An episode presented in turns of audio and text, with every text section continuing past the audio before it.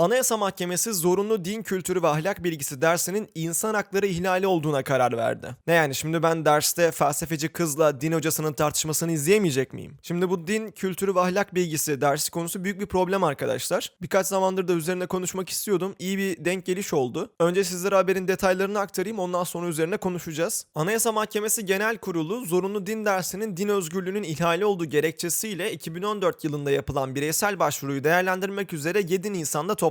Anayasa Mahkemesi Genel Kurulu'nda 8 yıldır devam eden dosyada anayasanın 24. maddesinin 4. fıkrasında güvence altına alınan ebeveynlerin eğitim ve öğretimin kendi dini ve felsefi inançlarına göre yapılmasını sağlama hakkının ihlal edildiğine karar verildi. Şimdi din kültürü ve ahlak dersine bildiğim kadarıyla ortaokuldan itibaren liseye kadar herkes giriyor ve ben de girdiğim dönemde çok fazla eleştiriyordum. Yahu ortada din kültürü ve ahlak bilgisi adında bir ders var ancak bize yalnızca İslam kültürü ve İslam öğretiliyor. Hatta çok net hatırlıyorum bize sure falan ezberletiyorlardı. Öyle sınav oluyorduk. İşte sınavda Subhaneke'yi yazabilen dersten geçiyordu falan. Böyle garip garip bir şeyler vardı. E zorunlu bir dersti aynı zamanda. Şimdi ben bu dine inanmıyorsam ve bu dinin gerekliliklerini öğrenmek istemiyorsam ancak halen ders bana yok biz bütün dinleri öğretiyoruz diye yutturulmaya çalışılıyorsa evet bu bir insan hakları ihlalidir. Anayasa Mahkemesi de böyle bir karar vermiş ancak bu bireysel bir başvuru arkadaşlar. Buradan sakın şu sonuç çıkmasın.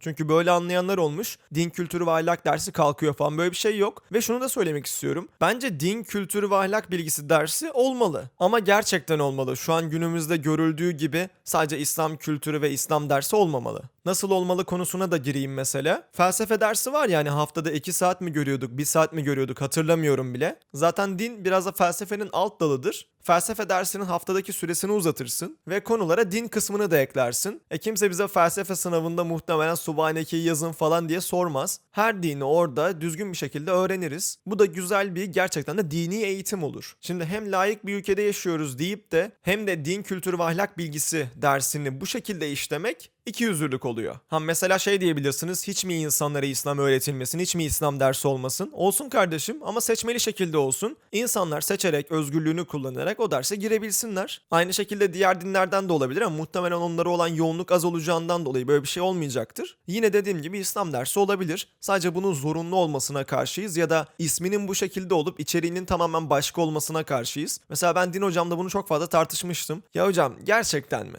Yok diyordu ya işte 141. sayfada Hristiyanlığı da öğretiyoruz sizlere. Hadi hocam yapma gözünü seveyim. Zaten bu eğitimde X şeyin zorunlu olması konusuna burada değinmek istiyorum. Daha önceki videolardan birinde şey demiştim. Lise eğitimi neden zorunlu olmamalı? Burada birazcık bu konuya da girmek istiyorum. İlkokul eğitimi bence kesinlikle zorunlu olmalı. Bunun da zorunlu olmamasını savunan çok fazla arkadaş var ama ben kendi argümanlarımı söyleyeyim yorumlarda konuşuruz. Bir kere ilkokul dediğin şey insanın gerçekten de çok temel eğitimleri aldığı bir düzey. Matematikte toplama çıkarma, okuma yazma, böyle en temel bilgiler, arkadaşlıkla alakalı şeyler. Hayat bilgisi dersi vardı mesela. Şu an hangi ders bilmiyorum o ama bize ilk yardım öğretmişlerdi, trafik kurallarından bahsetmişlerdi, polisin, itfaiyenin numarasını öğretmişlerdi ve gerçekten de o günden beri bazı şeyler benim aklımda. Çocukken de kalmış çünkü beyin orada o kadar ham ki işlenen her bilgiyi alıyor. Şimdi bu kadar temel bilgileri ben bütün çocukların alması gerektiğini düşünüyorum. Burada diyebilirsiniz ki sen burada yetkiyi devlete veriyorsun, aileye vermiyorsun. Yani ailenin hükmü devletin hükmünden daha azdır diyorsun. Arkadaşlar bu konuda böyleyim. Evet Enes Aslan'dan çok fazla duyamayacağınız sözler. Şimdi neden? Oraya da geleceğim.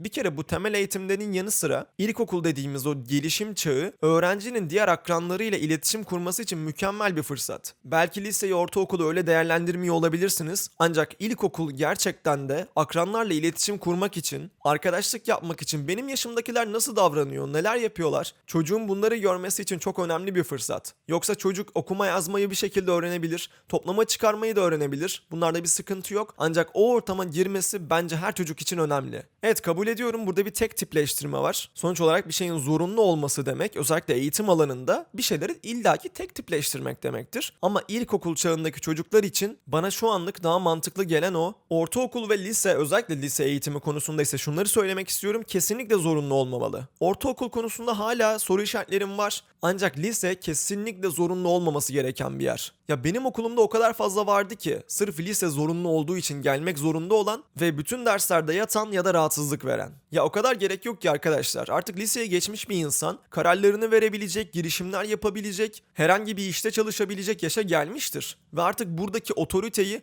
bırakın devlete, aileye bırakmak bile saçma. Direkt olarak bireyin kendisi otoriteyi almalı. Evet bugün böyle değil durumlar. İşte hala 18-19 yaşında çocuklar aylak aylak geziyor. Birey olmayı öğrenememişler, ne yapacaklarını bilmiyorlar. Aile olmadan, devlet olmadan ayakta duramıyorlar, yaşayamıyorlar ama zaten bu mevcut sistemden dolayı böyle. Sen 18-19 yaşına kadar çocukları şu saatte gideceksin, şu saatte geleceksin. Üzerine bunları giyeceksin, bunları çıkaracaksın. Öğretmen geldiğinde şöyle ayağa kalkacaksın, şöyle saygı duyacaksın. Fikrini şu zaman belirteceksin gibi sansürlerle büyütürsen ve yine o yaşa gelene kadar aile ve devlet figürlerini çocuğun hayatının ortasına yerleştirirsen tabii ki de 18 yaşında birey olmanın ne olduğunu bilmeyen, tek tip, geri zekalı, ne yapacağını bilmeyen bir toplum yetiştirirsin. Yani mevcut sistemden şikayet ediyorsak önce mevcut sistemi değiştirmek lazım zaten. Bu çocukların birey olmayı öğrenememesinin temel sebebi şu anki tek tip sistemdir ve zorunlu eğitimdir. Benim bugünkü fikirlerim bu kadar dostlar. Yarın tekrar görüşmek üzere kendinize iyi bakın. Hoşçakalın.